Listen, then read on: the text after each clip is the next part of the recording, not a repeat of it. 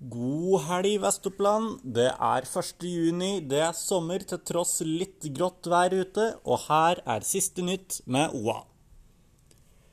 En mann i 30-årene brøt seg inn i fjellhallen i natt, der han har begått betydelig hærverk. Politiet ble oppringt av en ansatt som selv hadde anholdt gjerningsmannen. Hærverket skal ha funnet sted inne i anlegget, men også kiosken ved inngangen skal ha fått gjennomgå. Det er ingen alarmforbindelse mellom fjellhallen og politiet, så det er uvisst hvor lenge han var der inne. Er det fastlegekrise i Gjøvik, spør Dag Lunder ved Lillekollen legesenter. Lunder og kollega Martin Breiby ved Gjøvik legesenter har skrevet et lesebrev der de deler sin misnøye med hva de velger å kalle et lite gjennomtenkt forslag fra Ap angående nytt legesenter på CC.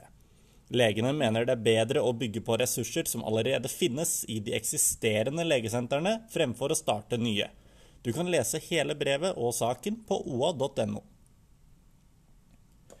Toril Nyhus har drevet bedriften Strikk og Mikk i 36 år, men nå tar førstegangseier Cecilie Ramsberg over bedriften fra i dag.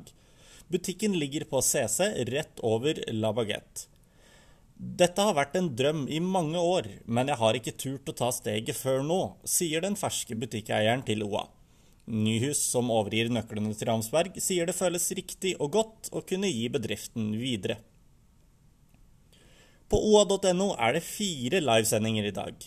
Vi starter ballet med NM i rallycross klokka ti, før det er duket for fjellmaraton på Beitostølen klokka 11.30.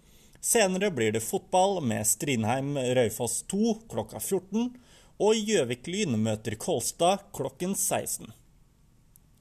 Dette var siste nytt med OA. Ha en fin helg.